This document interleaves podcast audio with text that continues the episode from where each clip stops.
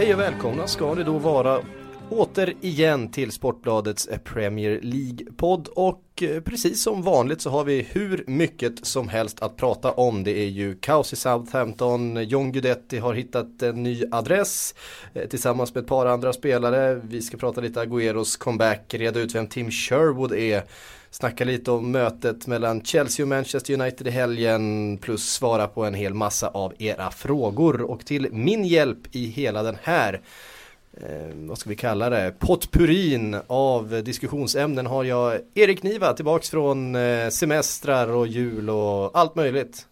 Välkommen! Tack! Eh, och bredvid dig så har vi Kalle Karlsson i vanlig ordning. Stämmer. Känns det bra? Känns det bra? Så vi börjar i eh, Southampton. Vi, bör, vi börjar i Southampton.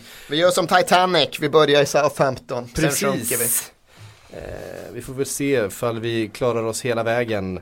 Eh, ordföranden Nicola Cortese avgick sent igår av en ännu okänd anledning. Va? Det har inte kommit fram riktigt vad det var som låg till grund för eh, hans avhopp. Eh, och ägaren Katarina Lieb här har klivit in för att sköta den dagliga rulliansen. Nu pratas det om att flera spelare är på väg bort. Det pratas även om att Pochettino ska eh, vara på väg att lämna in sin avskedsansökan. Vadan detta kaos i Southampton? Ja, det är ju precis som du säger, det är inte helt kommunicerat och klarlagt ännu, men jag tror väl ändå att man kan säga ungefär så här. Att Nicola Cortese är ju arkitekten bakom det nya Southampton som vi alla har lärt oss tycka om så mycket och beundra så mycket under framförallt den här säsongen. Det är ju han som har haft visionen som har tagit Southampton hela vägen från en utsatt position i tredje ligan till Premier Leagues övre halva och de har tagit sig den vägen med en väldigt tydlig spelidé och en väldigt eh, sympatisk filosofi eh, som eh, riktas mot den egna talangproduktionen. Så det är han som har varit visionären där, men det är ju Liber-familjen som har varit finansiären. Det är de som har skjutit in pengarna som möjliggjort det här. Och även om det inte är frågan om några oligarkmiljarder så är det ändå de pengarna som har legat till grunden för hela den här förvandlingen som har givit Cortese manöverutrymme. Och utifrån den premissen så har väl jag fått intryck att det egentligen handlar om en klassisk maktkamp. Cortese tycker att ja, men det är jag som har byggt upp allt det här. Det är jag som eh, är Southampton Football Club nu för tiden. Och det kan man väl tycka är både rätt och fel. Och tydligen tycker då Katarina Lieb här, den här ättlingen till eh, sin fars miljoner, arvingen, att eh, ja, det må så vara att det är du som har skött den dagliga driften, men det kanske inte är den ultimata situationen för oss som äger familj. Vi kanske inte vill ha en eh, situation där eh, Southampton Football Club är en enmansshow där Nicola Cortese bestämmer det mesta och i praktiken gör oss som ägare bakbundna. Jag tror att det är där någonstans konflikten har legat och och eh, utifrån den bakgrunden som Cortese eh, har valt att kliva av. För det är ändå det det handlar om. Liber, familjen gör ju en poäng av att de verkligen försökte få honom att eh, hänga kvar in i det sista. Men Cortese tyckte inte att han fick den maktposition som han förtjänade och valde därför att kliva av. Och där någonstans står vi nu. Mm. Den här konflikten verkar ju ha pågått ett tag också. Hon ska ju, Katarina Liberg ska ju ha dykt upp på träningsläger i juli och eh, meddelat då att eh, hon ville vara mer involverad i klubbens eh, ja, förehavanden. Och det, då fick de ändå kvar Cortese, sen var det, blossade det här upp igen i oktober och det var väl då det ställdes på sin spets. Och sen, eh, ja, nu har det kommit då till punkten där han kliver av de som kan sitt Southampton, de eh, tror ju att det här kommer få enorm eh, betydelse för Southampton. För man kan sitta på andra klubbar som, eh, som har pengarna. Som QPR till exempel. Men man har inte rätt eh, styrande från, från klubbledningen. Och då, det, det garanterar inte framgången att man har pengarna. Men har man en filosofi och en eh, stark ledare som eh, sätter en eh, röd tråd i en förening som tidigare varit känd för sin eh, eh, akademi och dessutom då satsar ännu mer på akademin, vilket Cortez har gjort. Eh, så har man kunnat se vilka framgångar det kan leda till. Det är ju ganska lätt att eh, tänka tanken att förändringar i styrelserummet inte skulle få så stor inverkan på planen. Jag menar det är fortfarande Pochettino som styr, han har samma spelare att tillgå som man hade för ett par tre månader sedan när allting gick så bra för Southampton. Men eh, man kan ju ta ett exempel där Luke Shaw som ju är en av de stora utropstecknarna eh, den här säsongen och som jagas av i stort sett alla storklubbar i England. Han twittrade igår om hur bedrövad han var eh, över Corteses avhopp och, eh, och tackade för allting han har gjort för honom. Och att det här får omedelbara spridningseffekter ner i, på planen. Eh, det måste väl ändå vara ganska ovanligt att det får så omedelbara konsekvenser. Det är ganska ovanligt att en person har haft en så stark maktposition utan att vara vare sig tränare eller ägare som Nicola Cortese har haft i Southampton. Utan han har ju just haft den positionen utifrån en bakgrund där han är arkitekt och visionär. Och han har även haft den här personliga relationen som du är inne på med de spelare som har varit med hela vägen. Som till exempel Ricky Lambert och Adam Lallana de spelare som har kommit upp ur den egna högprioriterade ungdomssatsningen som Luke Shaw och James Ward-Prowse. Och han har definitivt haft det med tränaren Pochettino som ju redan när det började gnissla gjorde klart att ja, men, jag är här för Corteses skull. Det är han som har trott på mig, det är han som har sålt in klubben, det är han som är hela anledningen till att jag har flyttat till Southampton. Och ifall han försvinner så har inte jag något intresse av att vara kvar här. Det är ju vad han har sagt tidigare och nu befinner vi oss i ett skede där vi spelar in den här podcasten utan att Pochettino har pratat. Det som har sagts eh, här på torsdag förmiddagen det är ju att han påstås ha accepterat att leda Southampton i lördagens match mot Sunderland men att framtiden bortom den fortfarande är fullständigt oklar och att eh, hans grundhållning i någon mån kvarstår. Han känner inte att jobbet i SA-15 är hans ifall inte Cortese är mannen som står bakom det. Så precis som du korrekt sammanfattar, det är väldigt ovanligt att ett sånt här avhopp får den här typen av konsekvenser, eller riskerar i alla fall att få det. Men det är utifrån en realitet där Cortese just är så väldigt mycket av byggherren bakom det moderna framgångs 15 som vi har lärt känna det senaste, under den senaste 18 månadersperioden eller så. Vi var inne på Titanic-jämförelsen med Southampton här och metaforen. Är den här konflikten isberget som kan få det här, den här skutan att faktiskt sjunka? Det kan mycket väl vara det och eh, det visar ju både på styrkan och svagheten i det som Cortese har lyckats med.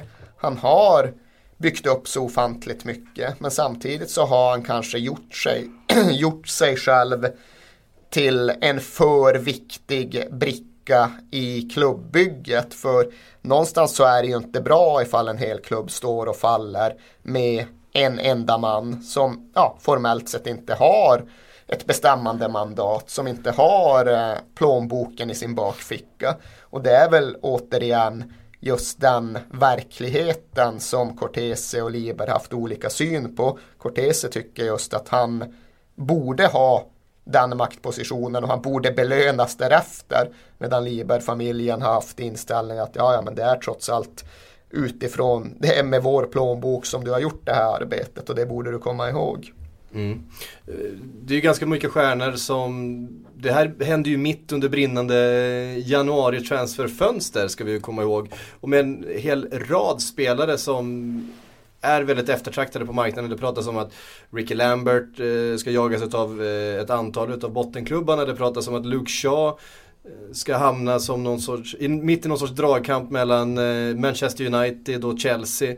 Eh, bland annat. Vi har också en Adam Lallana som eh, också på samma sätt är häftigt eftertraktad eh, bland annat av eh, Manchester United. Hur påverkar det deras relation till sin nuvarande klubb? Och det handlar om förtroende, det handlar om att eh, man kanske eh, helt plötsligt får en, en, annan syn på en agent som kommer in med eh, ett kontraktsförslag.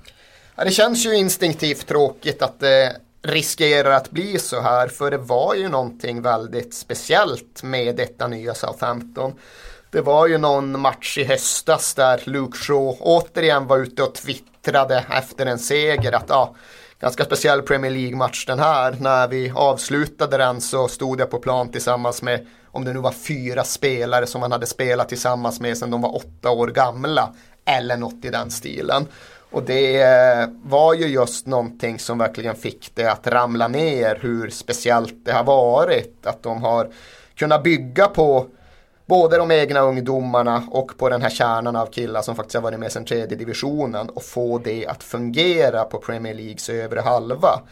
Och en viktig del av den framgångsmodellen har ju varit att spelarna verkligen har brytt sig. De har ju känt att ja, men det här är inte bara ett jobb, en arbetsgivare, utan det här är vårt Southampton. Och det är klart att ifall den här grejen luckrar upp allt det så är det väldigt synd. Sen är det ju som sagt, eller inte som sagt, men det är värt att eh, poängtera det att den här bilden av Cortese som mannen som är fullständig förklaring till allt vad klubben numera är och har blivit, den bör ju nyanseras lite grann. För återigen, Luke Shaw och hans kompisar, de har spelat tillsammans i mer än tio års tid. Långt före att Cortese överhuvudtaget hade någonting med engelsk fotboll att göra. Och Adam Lallana och Ricky Lambert har också känt för klubben längre än vad Nicola Cortese har gjort. Och för bara ett år sedan så tyckte ju alla bedömare, tyckare och supportrar runt klubben att den där Cortese var ett jävla svin som hade kickat Nadja Ladkins utan att man såg någon riktig anledning till det. Så det är ju en ganska kontroversiell och egensinnig herre som gärna blåser upp sin egen betydelse och sitt eget arbete. Han har rätt till det för han har gjort det fantastiskt bra. Han gör en helt korrekt bedömning när han utgår ifrån att eh, hans betydelse för klubben är väldigt stor. Men han är ju inte liksom han är inte Matthew Letizier när man ska summera eh, Southamptons hela historia på något sätt. På det positiva kontot finns ju också att akademichefen Les Reed som har varit mannen bakom och bygga upp akademin, eh, han finns ju fortfarande kvar. Och eh, han ju, eh, har ju i alla fall inte utåt sagt någonting om att han skulle lämna utifrån det som har skett nu. Men det blir intressant att höra honom prata för han är också Corteses kille. Han var ju utstött och förlöjligad för bara några år sedan eftersom att han hade misslyckats så fenomenalt när han fick sin enda chans som Premier League-manager i Charlton. Men det var ju då Cortese som såg någonting i honom som lyfte upp honom ur gyttjan och gav honom det här ja, nästan till huvudansvaret för Southampton. På ett sätt går det att argumentera för att han är överordnad Pochettino. Och därför så ligger det väl ganska nära till hans att tro att Les Reed också sitter och är ganska missnöjd med den här utvecklingen. Mm. Blir det huggsexa nu? Säg, om vi ponerar att eh, Pochettino också väljer att eh, lämna Southampton efter helgens matcher. Blir det huggsexa om talangerna då? Alltså om Luke Shaw går ut och twittrar och kommunicerar att ja men nu skiter jag nu är jag tillgänglig så då, då kan jag försäkra om att du får se en huggsexa. Dock tror väl inte jag att det kommer att bli så. Jag tror att Luke Shaw säkerligen ger klubben mer tid än så här. Han ja, Förlängde han sitt kontrakt eller kommunicerade han bara sin vilja att förlänga sitt kontrakt här om sistens? Han gjorde definitivt det mm. sistnämnda. Sen måste jag erkänna att jag faktiskt inte har koll på om han verkligen skrev på förlängningen. Men han deklarerade ju bara för några veckor sedan att Nej, men jag vill stanna i Southampton. Och det tror jag ändå är en känsla som grundar sig i någonting djupare än en schweizer-italiensk vd. Men vad vet man? Precis. Vi lämnar Southampton där, det ska bli oerhört intressant att följa utvecklingen, eh, inte minst i helgen när det ska spelas match igen. Eh, en person som har rört på sig som eh, haft det lite kämpigt de senaste åren är John Guidetti och nu har han tagit sitt pick och pack och flyttat en 4-5 milen söderut vad det kan vara från Manchester till Stoke-on-Tyne. Är det inte längre?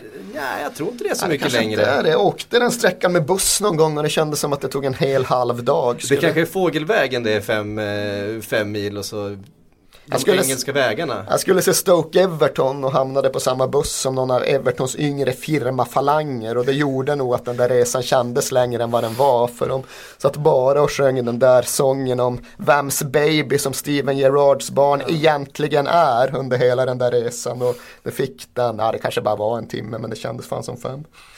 Ja, eh, ja fem timmar är det åtminstone ja. inte. Det, ja, det, det, det, vet jag också. Det är jag helt säker på. Eh, hur som helst så eh, har man John Guidetti i sin roster från ja, sen 24 timmar tillbaks, något sånt där. Eh, kommer han kliva rakt in? Han petar ju knappast Peter Crouch, vi var inne på det lite grann förra veckan hur han skulle kunna vara ett komplement i det laget. Vad säger ni om Gudettis val? Gör han rätt som går till Stoke till att börja med? Han gör rätt som går till en eh, klubb där han eh, möjligen kan få lite speltid. Och det var väl eh, antingen att gå utomlands, det var inte City så sugna på att släppa han utomlands igen. Eller så var det att gå till Championship och eh, så var det att hitta... Det var kanske inte han så sugen på? Nej det kanske inte han var så sugen på. Och sen var det då att hitta en klubb i Premier League. Och då tycker jag nog Stoke är en av de klubbarna där han i alla fall kan få några minuter. För de känns ganska tunna framme på, på anfallspositioner. De har en Peter Crouch och sen har de en Canwin Jones som har bråkat lite grann med, med, med tränaren nu. Eh, jag tror inte han står så högt i kurs. Så att för mig känns det som att Guidetti kliver in som andra val bakom Crouch i det här läget. Så vid, sen vet man ju inte hur hans status är nu Guidetti. Det är så svårt att säga när han varit borta så länge. Men eh, att han får vara med där och hoppa in lite grann nu eh, i ganska tidigt skede, det tror jag. Tror ni till och med han kommer spelas, eh, spelas tillsammans med Peter Crouch i, i ett tvåmannaanfall? Det skulle ju vara överraskande i så fall. Det vore ju roligt men så vitt jag kan komma ihåg så har ju inte Stoke startat med två anfallare någon enda gång under Mark Hughes utan vad jag kan minnas så har det varit ja, en variant av 4-2-3-1 i samtliga matcher den här säsongen. Och som ensam anfallare i ett 4-2-3-1 är jag väl inte så säker på att Guidettis spelartyp är den optimala. Utan det är säkerligen så att Crouch ska spela i första läget och att Guidetti i första hand ses som en inhoppare. Men det är klart att det skulle vara intressant ifall de fick för sig att eh, prova ett 4-4-2 artat spel för att vända den dåliga trend de är inne i nu. Då är bara frågan hur de kommer möblera om i så fall. För jag tror inte att de kommer rucka på de två defensiva mittfälten. De kommer finnas där. Och nu har ju faktiskt Charlie Adam och före honom Steven Ireland det rätt bra som någon form av nummer 10-spelare. Eh, men det är väl i så fall ändå det enda man kan göra. Flytta ut den rollen på en vänsterkant och ha kvar en John Walters eller någonting som stångar ute till höger för att på så sätt bana väg för det. Men det skulle ju överraska mer ifall Stoke gjorde den ganska drastiska förändringen och började spela någon form av 4-4-2 än ifall de valde att börja med att fasa in Guidetti som någon form av eh, avbytare. Det skulle ju vara ett steg tillbaka för Stoke med tanke på att de har ju gått en viss väg nu för att bli mer passningsorienterade. Förändra sitt spel till ett 4-5-1 eller 4-2-3-1. Och då att gå tillbaka till 4 4-2 skulle ju vara att gå emot den filosofin som de har satt Det är ju nu. bara en lik med siffror, det oh, handlar om precis. hur man tillämpar det. Ex exakt, men frågan är Guidetti, jag är nog inne på samma linje som Erik där. Guidetti är ju inte tillräckligt bra för att förändra spelsystemet när han kommer in. Så att uh, det blir nog att börja som inhoppare bakom Crouch. Mm. Det har skett ett par uh, ytterligare övergångar den här veckan. Ska vi ta en liten temp på dem och se ifall de kan förändra några spelsystem. Vi har bland annat Jelavic till Hall. Eh, ett Hall som ju har skrikit efter anfallare här och, och, får nu in en som i alla fall i perioder av sin karriär har visat klass. Var ju dödlig i Everton eh, för ett par säsonger sedan. De får nog in Shane Long också och det skulle inte förvåna mig alls ifall de därmed får in ett eh, nytt tvåmananfall. De kan jag se spela 4-4-2 jag kan se dem spela 4-4-2 med Jelavic och Long tillsammans. Vilket teoretiskt sett borde kunna funka ganska bra sett till vilka spelartyper de är. Och jag vet inte ifall det är hundraprocentigt korrekt men jag får mig att den bästa målskytten i Hall har gjort typ tre Premier League-mål den här säsongen. Och det går liksom inte att argumentera mot. Ja, men det går Och det är väl Tom, Tom, Hud Tom Huddleston? Är, ja, eller Robin Brady som har slagit straffar. Huddleston har till och med fått rycka in och, och och stänka dit den. Ja, men då går det liksom inte att fortsätta och tjata. Ja, men vi ger Danny Graham tio matcher till. Eller ja, men Aloko kommer nog igång alldeles snart. Utan det är klart att då ska man ju använda januarifönstret för att göra en förändring. Och ifall Jelavic och Long får spela våren tillsammans så kommer ju inte Hull Citys bästa målskytt stå på tre Premier League-mål när säsongen är slut. Så bra är de. Och eh, får de in dem så tror jag inte heller att Hull City kommer riskera att att bli av med sin Premier League-status när säsongen är slut. Och får man till den effekten så går det inte att säga någonting annat att det är kloka investeringar alldeles oavsett om det är Allan eller vem det nu är som ligger bakom dem. Det är lite intressant med Jelavic tycker jag med tanke på att han hade ju den där första halvåret där han dansade. Och sen gick han in i någon slags torrperiod som har varit nu i Ja det är väl ett och ett halvt år nästan. Eh, men man har sett rätt mycket tendenser på att han, han löper rätt, han tar sig till chanserna men ibland är det som att bollen inte vill in. Och är det otur? Är det att han inte har kvaliteten? Eller är det liksom att han behöver bara en nytändning i en ny klubb? Ja, är det bara det att han inte möter Tottenham varje helg? Så fort han möter Spurs så sätter ja. han varenda boll känns det som. Men det är väl också så att det är ju en konsekvens av VM-effekten. Han pratar ju öppet och tydligt om det. Att det är väldigt viktigt för honom att få mycket speltid nu. För även om han trivdes fantastiskt bra i Everton, som i stort sett alla spelare gör. Det finns liksom ingen som lämnar Everton och baktalar den klubben. Känns otroligt harmoniskt. Ja, verkligen. Alltså, nästan men, läskigt. Men eh, så är det ju väldigt viktigt för honom att få speltid för han vill spela VM med Kroatien. Och det finns ju dessutom en startplats ledig för att till exempel spela VM-premiär mot Brasilien. I och med att Mandzukic fick ett rött kort och är avstängd i jag vet inte, är de två eller tre två, första matcherna? Två i alla fall, ja, då tar de väl med han i alla fall. Men ja, det finns en, det finns en schackrutig tröja ledig och den vill ju Jelavic ha. Förstås.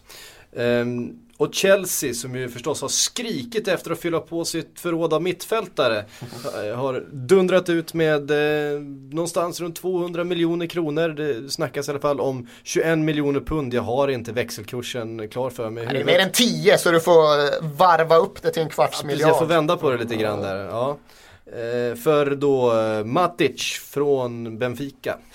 Men man kan ju, alltså man kan ju skoja om det där med att de har många mittfältare. Men man får ju skilja också mellan äpplen och päron. Det här är ju en spelartyp som Chelsea behövde. Han är både ja, äppel, äpplen och päron. Ja, precis. Ja, men alltså, de har ju väldigt många offensiva mittfältare som kan spela på den där trean framåt. Och där, där är det ju överfullt. Där behöver man inte förstärka. Men eh, på de där två platserna bakom i ett 4-2-3-1. Där eh, fanns det ju ett behov av att förstärka. Jag trodde att Chelsea skulle vänta till sommaren med det här. Men nu dök det ju uppenbarligen upp en möjlighet att lösa en spelare redan här i januari. Och de har ju verkligen struntat i prestigeförlusten i det här fallet. För att de släppte ju väldigt billigt för bara några år sedan. Och nu plockar de tillbaka han för en hiskelig summa jämfört med vad de släppte han för.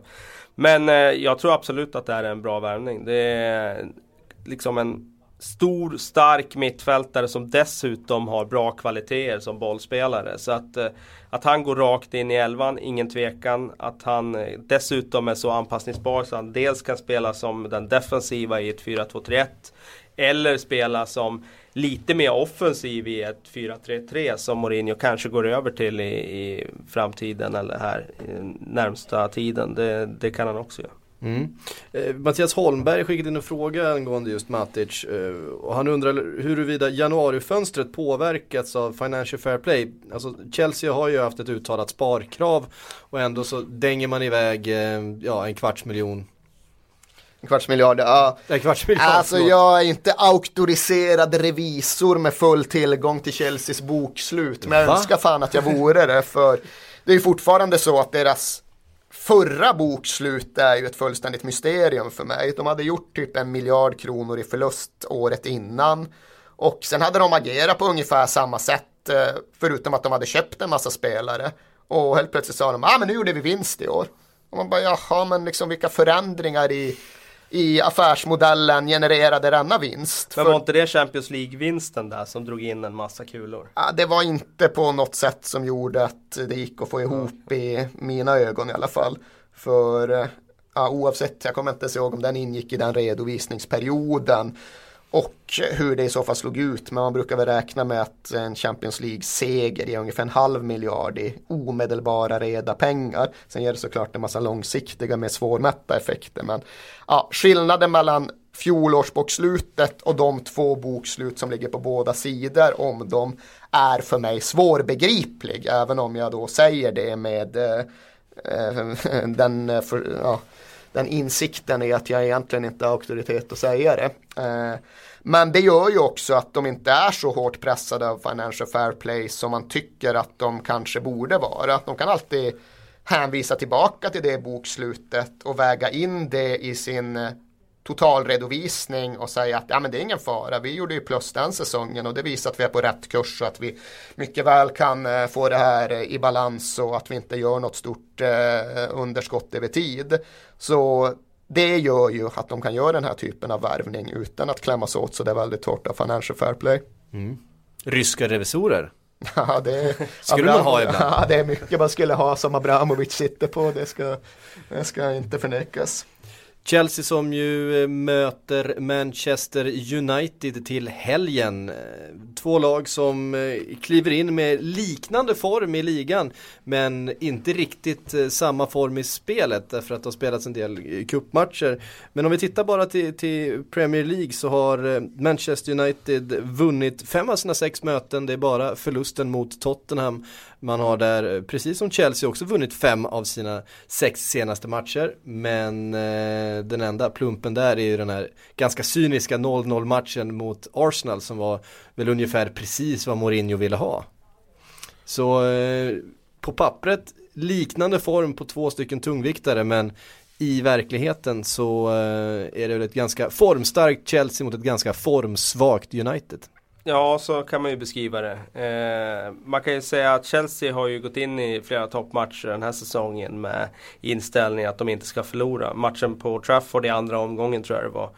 Det var ju en sån match. De ställde upp utan anfallare med Shirley i någon slags falsk nio-roll. Och åkte dit för ett 0-0 och fick ett 0-0. Eh, de åkte till Emirates eh, och eh, hade också ambitionen att få 0-0 och fick ett 0-0. Och nu möter de United på hemmaplan och jag tror vi kommer se ett helt annat eh, eh, Chelsea nu. Alltså nu är ju United i en situation där man är eh, ganska sårbara. Man kommer att sakna Wayne Rooney i den här matchen också. Man kommer att sakna Robin van Persie. Eh, jag kan inte se det på något annat sätt än att Chelsea kommer att ösa på och gå för tre poäng. Och ett United som på något sätt nu då, Moyes, måste hitta någon form av att göra en Mourinho. Alltså ställa ut ett lag för att få med sig ett kryss. Det är det han egentligen kan gå på. Ja, det Mois måste göra är att stänga ner den här våldsamma offensiva kraften från mittfältet som ju Chelsea är kapabla till. Vi har sett Eden Hazard var fullständigt briljant i några framträdanden så här eh, efter jul. Eh, kan han lyckas med det? Har han resurserna för att, eh, för att göra det överhuvudtaget? Det som alltid sades om David Moyes som Everton-tränare var ju att han var fantastisk på att hitta den matchplan som den aktuella uppgiften krävde. Det var väl just efter några matcher mot Chelsea som Ancelotti gick ut och berömde honom som den mest flexibla coachen i Premier League. Så tillvida att han just kunde studera en motståndare, se vad som behövde göras och få sina spelare att utföra precis just detta. Det där är dock något som det kan vridas och vändas på ifall man angriper David Moyes från ett eh, negativt håll så får man ju det där till att han minsann är en reaktiv coach. Han är en coach som tillåter sig att anpassa sig efter motståndarna snarare än den här liksom positivt arroganta tränaren som går ut och insisterar på att hans lag minsann alltid dikterar villkoren i en match. Eh, så för att besvara frågan han är väl en tränare med en historik av att kunna klara av den sortens uppgifter. Han är väl dock inte den tränare som har byggt upp ett förtroendekapital under sin tid i Manchester United som får honom att tro på att det ska gå vägen den här gången. Det blir intressant att se hur de löser det till helgen men en liten varning för uh, City-seger. Han har, eh, för Chelsea-seger. Han har ju ja, aldrig, han har aldrig slagit José Mourinho heller så att bara en sån sak. Vi vet hur de där spökena kan eh, följa med in på planen och faktiskt ha en eh, ganska avgörande betydelse. Ja, framförallt David Moyes verkar ha en förmåga att ha en spöksamling hängande ovanför sig. Det är det där att han vinner aldrig på bortaplan mot en topp 4-klubb och så kommer en Martinez och bara blåser bort det. Så, han, han och spökena har inte varit några vidare polare på sistone. Och sen har jag haft en förmåga också att eh, skrämma iväg de spökena som han har haft på sitt egen sida. Med tanke på Swansea hade väl en svit man inte vunnit mot United på år och dag. Det var ju samma sak med Everton, hade inte vunnit Newcastle. borta. Newcastle har inte vunnit borta. Det är många sådana här spöken mm. som som man gärna hade haft på sin egen sida som man har lyckats skrämma iväg Liverpool, också. han har väl aldrig vunnit på Anfield heller. Ja du ser, du ser. Han ja. har en bra spöksamling. Ja. Precis. Eh, ett annat lag som har fått dras med lite av en krisstämpel är Tottenham. Inte minst sedan den här 0-5 förlusten mot Liverpool så där Andreas Boas fick sparken så har ändå trenden vänts. Man har eh, fyra segrar på sina fem senaste matcher och en oavgjord då mot Fem senaste West... Premier League-matcher. Man ska Premier väga in två cupförluster mot West Ham och Arsenal när man gör utvärderingen av den senaste månaden. Men man har ändå eh, fått någon, någon, sorts styr på skutan efter eh, kaoset kring eh, Andreas Boas eh, eh, avsked. Och eh, Tim Sherwood har klivit in som gubben i lådan verkligen. Ute, ja det var väl nästan ingen som, som trodde att det var eh, just han som skulle eh, kliva in och i alla fall till viss del få Tottenham på rätt köl igen. Vem, vem är den här Tim Sherwood egentligen Erik? Ja jävlar i mig. Det är en fråga med många olika svar. Eh, nej men han är ju en en person som gör eh, relevant att dra någon form av Harry Redknapp-paralleller. Han är inte Harry Redknapp, det är han absolut inte och det är en förenkling att eh, dra just den där parallellen som jag ändå gjorde. Men jag gör det för att eh, ha det som någon form av orienteringsbegrepp. Han är ju en, en kille som kommer ur en engelsk fotbollstradition där man eh, ser ett stort värde i att kalla spadar för spadar och att sätta runda pjäser i runda hål och att minsann inte överkomplicera saker och ting. Eh, han är en, även en väldigt stark personlighet med uppenbara ledaregenskaper och en ganska grundmurad tro på sin egen förträfflighet. Eh, och även om man har det sistnämnda gemensamt med Andreas Boas så vill jag väl ändå sammanfatta det hela som att han är en väldigt tydlig kontrast just gentemot honom. Och likt ett svenskt fotbollslandslag har ju Tottenham ägnat de senaste åren åt att göra den här pendelrörelsen i raketfart. För ett svenskt landslag tenderar ju alltid att göra det när de väl byter förbundskapten. De är ute på den ena ytterkanten med Lagerbäck som någon form av eh, ja, defensivt uppmålad fotbollsteoretiker och sen ska pendeln svänga och då ska Erik Hamrén komma in med allt vad Erik Hamrén kommer in med. Och lite samma sak har det blivit nu med Tottenham att det är Harry Redknapp med allt vad Harry Redknapp är och sen är det Andreas Boas med allt som inte Harry Redknapp är och sen tillbaka till den andra ytterkanten med Tim Sherwood som då står för ganska mycket av de eh, värden och prioriteringar som Redknapp gjorde. Ja, för det är ju inte ofta man ser en, en samlad engelsk fotbollsjournalistkår stå och klia sig i huvudet.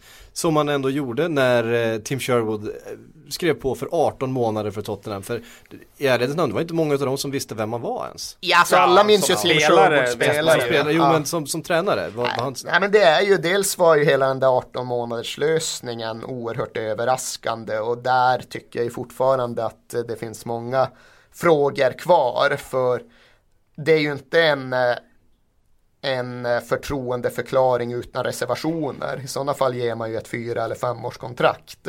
Men det är ju inte heller den här interimlösningen som uppenbarligen ska förändras till sommaren. Utan misstanken är väl att kontraktslösningen kommer sig ur en känsla där Levi egentligen vill ha en Louise van Gaal eller något mer etablerat namn på sikt. Men där han ändå inte vill skriva av den här säsongen. Han vill inte ge spelargruppen och alla bedömare ursäkten att hela tiden referera till Sherwood som den tillfälliga lösningen utan egentlig auktoritet. Utan han ger Sherwood ett lite större mandat än så. Han ger honom också rätt rätten att eh, försöka göra jobbet till sitt. För det är klart att om Sherwood tar Tottenham till Champions League med det här utgångsläget då kommer det där 18 månaders avtalet att förlängas. Men det är ju det ena, att det där med kontraktskrivningen som fick alla att klia sig i huvudet. Och sen är det ju det här faktumet att han just får ett väldigt ändå tungt jobb utan någon egentlig erfarenhet. Och nu kan man i och för sig då Clarence Seedorf parallellen ner till Milan och säga att ja, helt unikt är det ju inte. Men utifrån den moderna Premier League-realiteten så är det faktiskt ganska unikt. Det har gjorts otroligt många liknelser om att ja, ja här får han minsann en Porsche och så ger man den till en kille som bara kört radiobilar förut och så vidare och så vidare.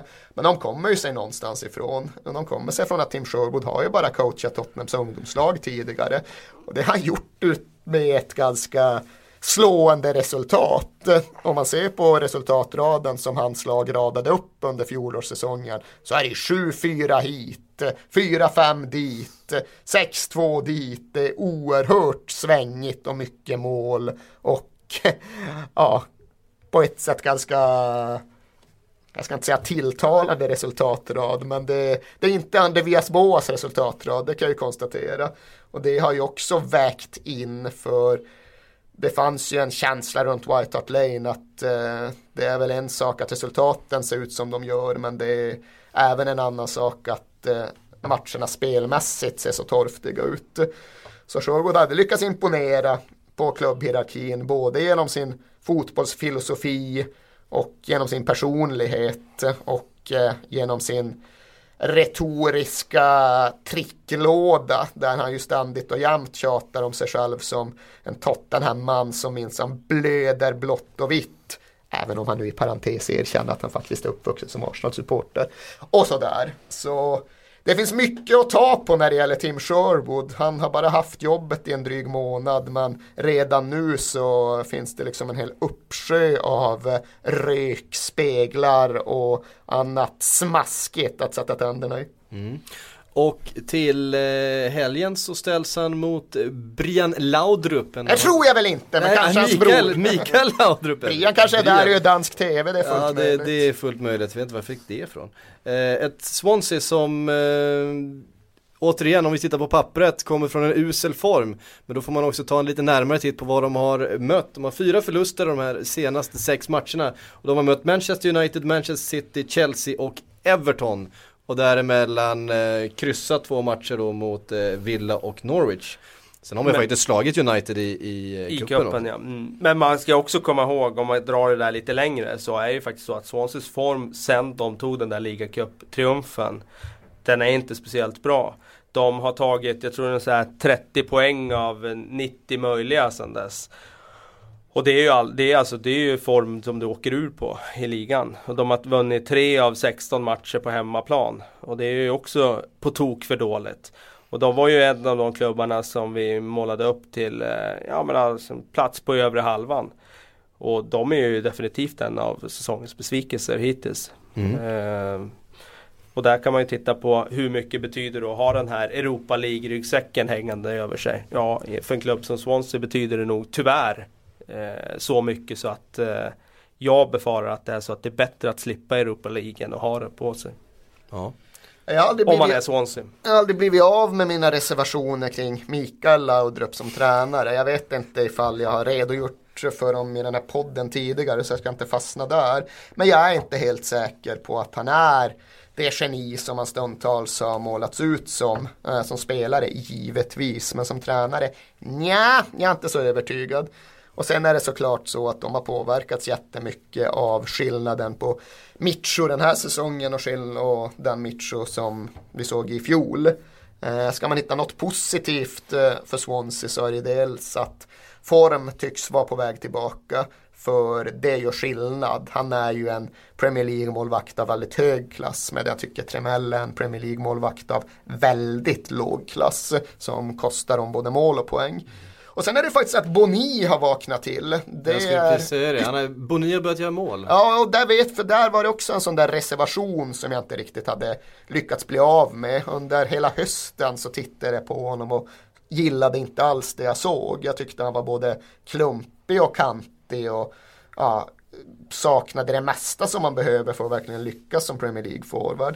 Nu ser jag ju en markant skillnad med blotta ögat. Han ser inte lika klumpig ut längre. Istället ser han kraftfull ut och där ligger ju egentligen hela skillnaden. Och det kanske är så enkelt som att han har kommit ikapp eller kanske till och med kommit upp på en ny fysisk nivå. En nivå som inte riktigt krävdes av honom i Holland och att eh, det räcker. För han har ju en jäkla power i både kropp och skott. Och ja, fortsätter han spela så här så är jag faktiskt beredd, beredd att ompröva mitt omdöme om honom. Och målnäsan finns där, det vet vi ju.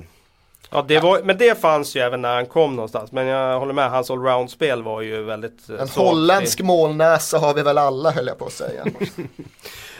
um, och en målnäsa som eh, precis har gjort comeback för sitt Manchester City är Sergio Kun Agüero som eh, gjorde comeback igår i fa Cup-mötet med eh, Blackburn och gjorde mål direkt.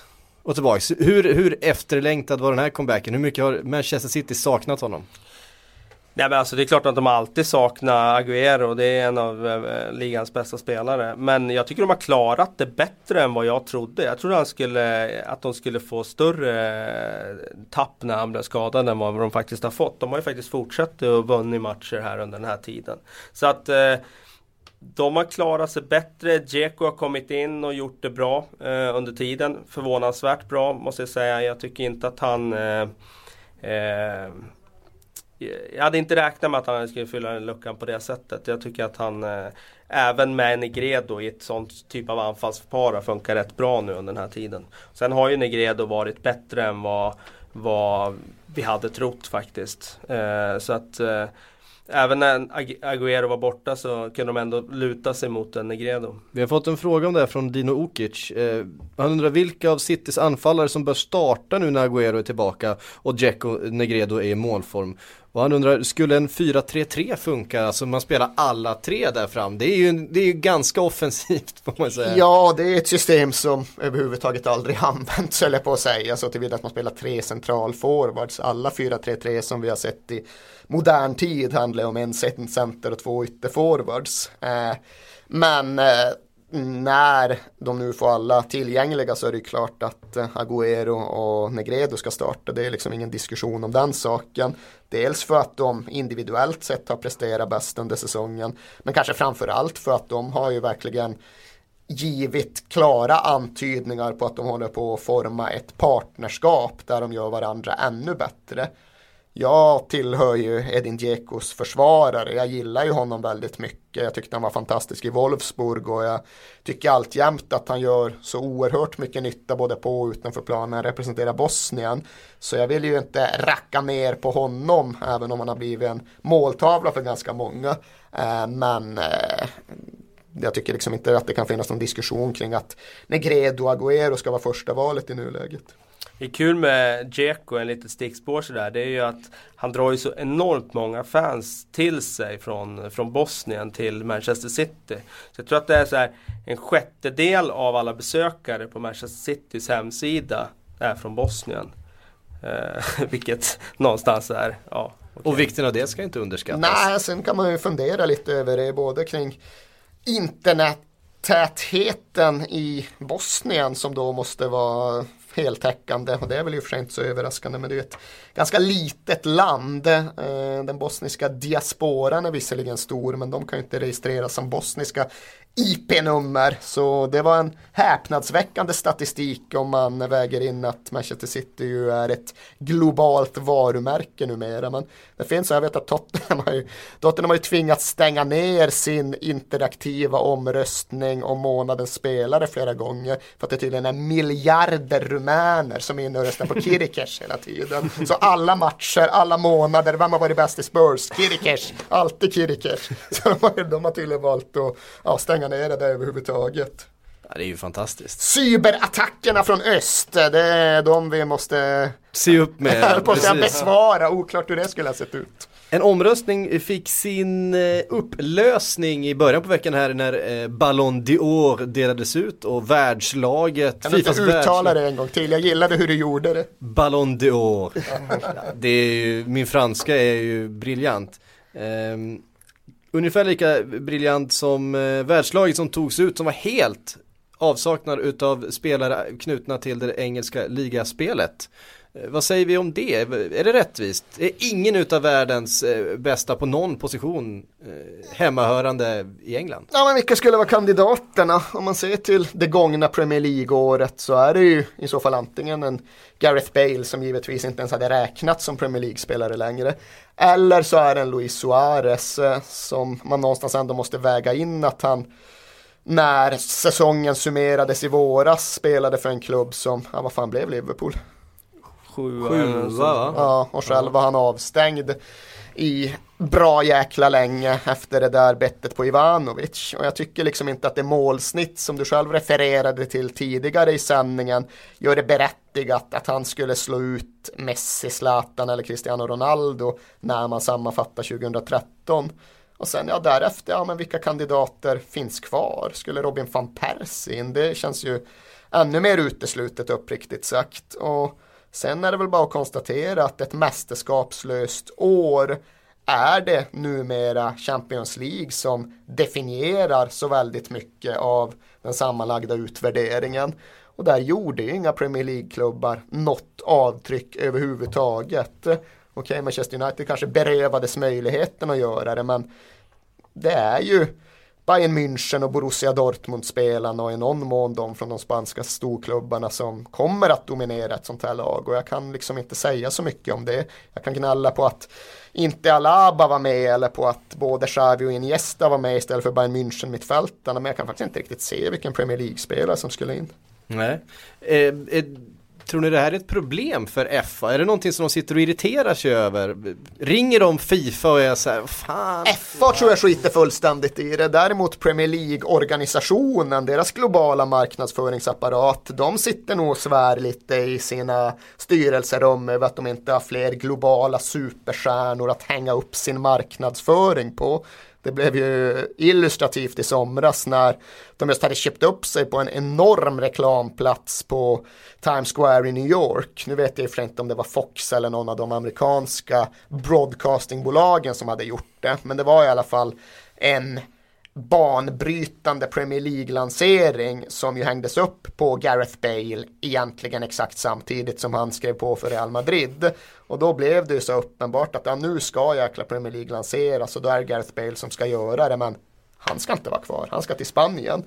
Så i stjärnornas tidevarv när Ballon d'Or-galan får ett eh, oproportionerligt stort värde där folk bryr sig om sådana här världslag där är jag ju rätt övertygad om att just de människorna som jobbar med att kommersialisera Premier League gärna hade sett fler hypernovor i ligan. Men kan man inte vara så cy cynisk då? Alltså, visst, eh, Guldbollen den röstas fram av lagkaptener och förbundskaptener och så vidare. Men just det här världslaget kan, hade man inte kunnat peta in en... en Fler en, bosniska en, röster på Diego. En, en Agüero liksom med ett eh, tremannaanfall eller Eh, Nej, Luis sett, Suarez. Inte sett över hela året, det tycker jag nog inte. Men eh, att Luis Suarez kommer vara aktuell och högaktuell när vi är framme vid nästa års lag. Det, nästa års man... lansering på Times Square när han ja, ska till Real Madrid ja, efter ja, precis. Nej men nästa år, det här kommer året kommer ju handla om VM och då kommer det handla väldigt mycket om vilka som presterar där. Och det är klart att det är säkert någon spelare som är hemmahörande i Premier League som, som gör det och då kommer det säkert vara någon spelare som är med med där. Men det är ju inget unikt det här utan det har ju varit så här år efter år att La Liga har dominerat den där elvan. Det, var, det som var unikt nu det var ju att det var så många spelare från Bundesliga. För det har det ju aldrig varit tidigare. Och där ser man ju kanske en liten ja, en tendens till att det där har luckrats upp lite, att Bundesliga har fått lite mer uppmärksamhet. Men det gäller ju att vara framme och slåss i Champions League om man ska vara med där. Men titta på Ballon d'Or och, och liksom eh, hur det priset har fördelats sett ur de senaste 20 åren så ser vi, eller 25 åren, så ser vi att eh, det är ytterst få Premier League-spelare. Du har eh, Michael Owen fick det ett år, Cristiano Ronaldo fick det när han var i Manchester United. Och sen eh, vet jag inte om det är fler Premier League-spelare faktiskt. Nej. Som fått Ballon då. Sen är det ju ändå att det är klart att det drar, går att eh, fundera, reflektera och dra slutsatser runt det där. För det tyder ändå på någon form av skillnad i tillvägagångssätt för Real Madrid och Barcelona som ju uppriktigt sagt är de två klubbarna som den här typen av diskussion alltid landar i de har ju det som, det är ju inget hemligt med det, det är ju öppet uttalat att de har ju det som affärsmodell att knyta till sig de allra mest glittrande stjärnorna för att sen göra business av det och någonstans kanske få ut lite fotboll i slutändan. Eh, trots alla shejker och oligarker och amerikanska riskkapitalister så har ju inte Premier League-klubbarna kommit att agera på riktigt samma sätt. Chelsea har inte köpt på det sättet. Eh, Manchester City har inte köpt på det sättet. Manchester United har definitivt inte gjort det. Och det är när man väger samman allting och funderar kring det faktiskt lite överraskande att inte superstjärnornas tidevarv har satt sig ännu djupare i Premier Leagues styrelserum och det är nog frågan om det inte kommer komma en förändring där vad det lider. För det är verkligen stjärnornas tidevarv vi pratar om. Det har en så otroligt stor betydelse för ett fotbollsföretag att ha en Cristiano Ronaldo eller en Leo Messi eller en Neymar eller en Gareth Bale och hänga upp allting på. Så det skulle förvåna mig ifall Premier League-apparaten tillåter att det ser ut likadant i något årtionde till. Att det inte är fler Ballon d'Or-vinnare som spelar i England och så vidare etc. Mm. Vi ska gå vidare, vi ska som vanligt svara på några av era frågor och jag tänkte jag skulle börja med en som jag fick för några dagar sedan här utav Fredrik Olsson. Han undrar, är Palace läktare den enda i någon av de två engelska högsta divisionerna som styrs av Ultras? Och det är den väl? Styrs av ja, det är ju det är väl en, eh, en sanning med modifikation. The Homestale Fanatics är väl den grupp som har en absolut, som är starkast i sin närvaro. Nu ska inte jag svära för hur det ser ut i alla Championship-klubbar. Helt plötsligt dyker upp någon jävla gruppering i Bolton och precis när jag pratar kommer jag på mig själv med att veta att Middlesbrough har en ultrasgrupp, tror jag ändå att man får kalla det. Jag kommer inte ihåg vad de kallar sig, men Red någonting. Och det är den mest eh, närvarostarka organiserade Middlesbrough-gruppen. Så där finns det väl en parallell.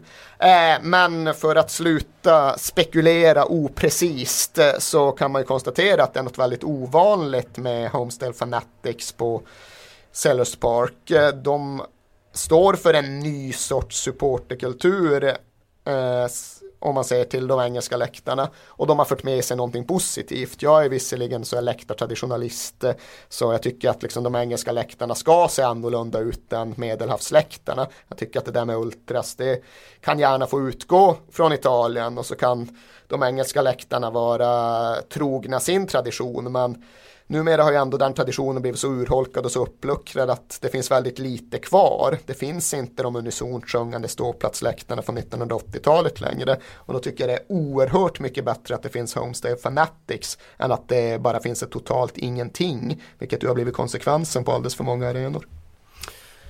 Bra, uttömmande.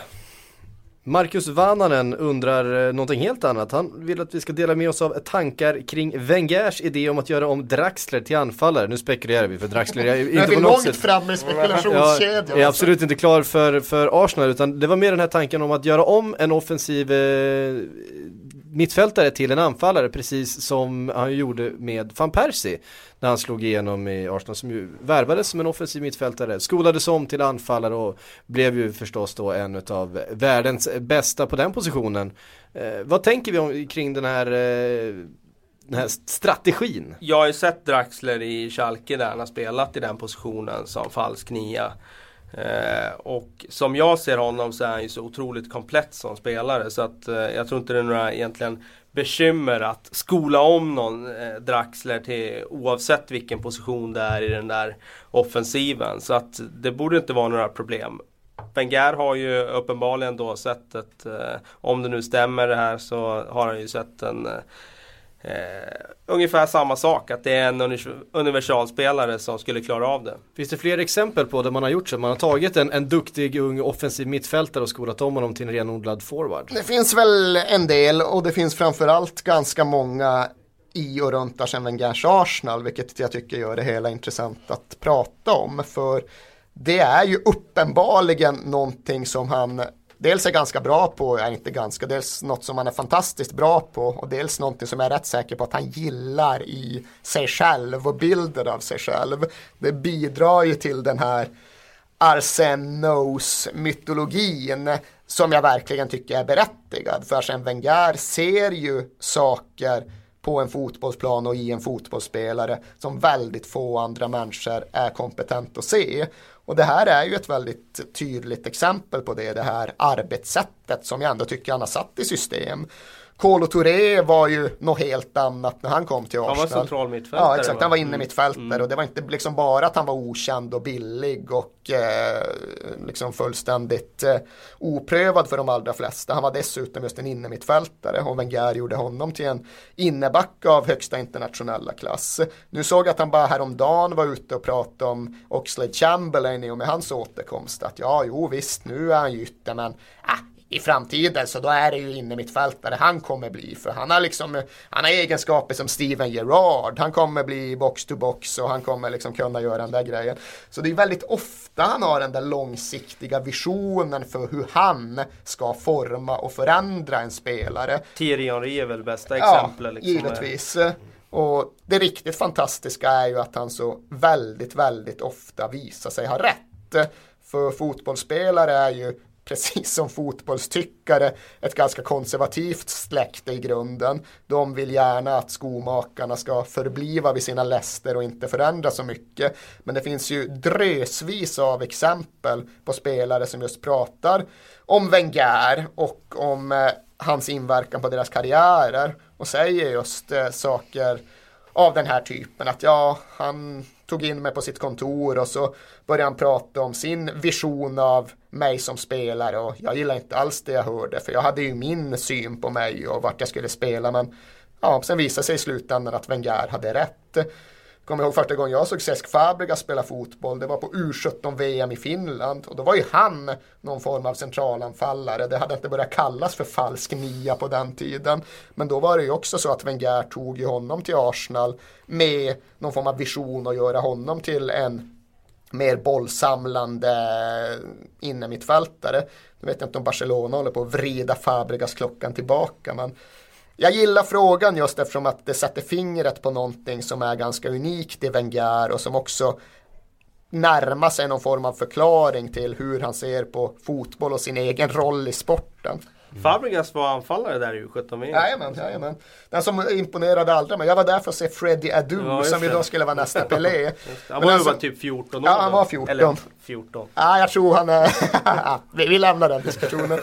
men den som imponerade absolut mest i det spanska lag, som givetvis var skitbra, det var ja, killen som spelade som tia som hette Jurado, som tillhörde någon av Madridklubbarna då och som ju har blivit en internationell spelare av någon form av klass. Han har väl varit i Schalke mm. och han har varit i Ryssland och jag vet faktiskt inte om han är kvar i Ryssland eller vart han har tagit vägen. Men han var the eye-catching one. Han såg man och just kände att ja, ja, fan om inte den här killen blir en storstjärna då vet jag minsann ingenting om fotboll. Och då satt väl Wenger och såg samma match och tänkte hmm, den där killen som spelar center med hockeyfrilla, han ska ju till innermittfältare. Om inte det funkar då vet inte jag något om fotboll. Men var det inte så att Fabregas blev vald till den bästa spelaren där i turneringen sen? Jag tror det. Om man kollar på kan han nog ha blivit och han kan då till och med ha vunnit någon form av skytteliga eller något. Men jag kan tänka mig att Jurado var bra. För Men när man ser han så har han ju ofattbara kvaliteter eh, faktiskt. Men det alltså var väl just i, i säkert så att den, ja, han, han röstade säkert fram till turneringens bästa spelare och det var säkert sådana som oss som satt och röstade och tyckte ja men han gjorde ju många mål, han är ju bra, det säger vem som helst liksom. Och sen satt Wenger och såg mycket bättre grejer och jobbade utifrån det. Talande det hela.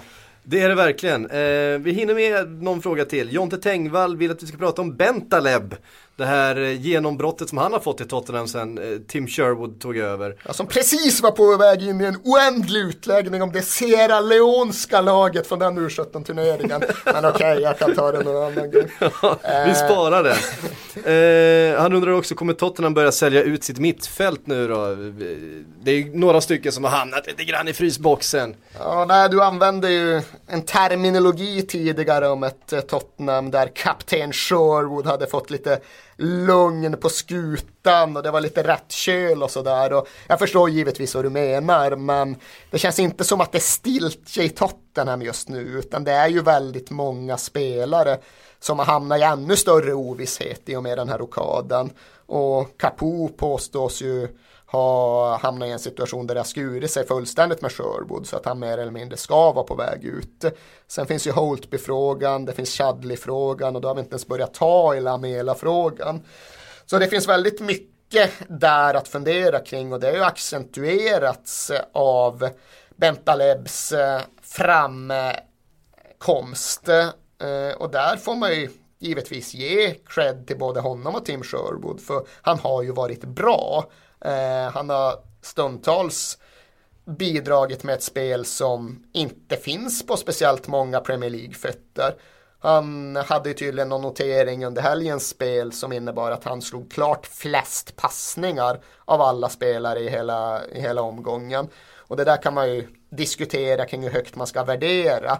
Men det tydde ändå på att han hade den där liksom kvaliteten som det ofta pratas om men som det är väldigt svårt att hitta. Så Bentaleb har ju någonting, det är inget snack om det. Och Sherwood har ju någonting som vågar lyfta fram honom på det sätt som han har gjort.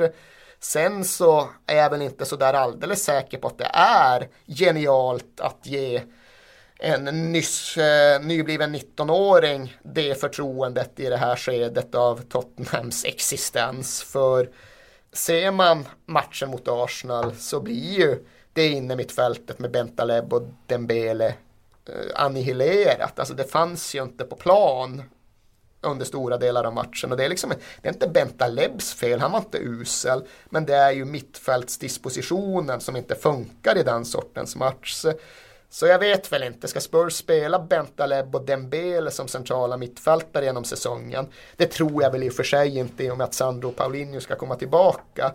Men även om jag är imponerad av honom så är jag lite skraj varje gång jag ser det inne mitt fältet skickas ut på plan. Mm. Det var faktiskt allt vi hann eh, med den här torsdagen. Eh, tack för att ni tog er tid Erik och Kalle. Och tack alla ni som eh, har lyssnat. Mitt namn är Patrik Syk. Ni kan nå oss på Twitter i vanlig ordning på hashtag Sportbladets PLP. Även om ni inte hittar Erik just under hashtaggen. Så hörs vi om en vecka igen. Ha det fint, hej!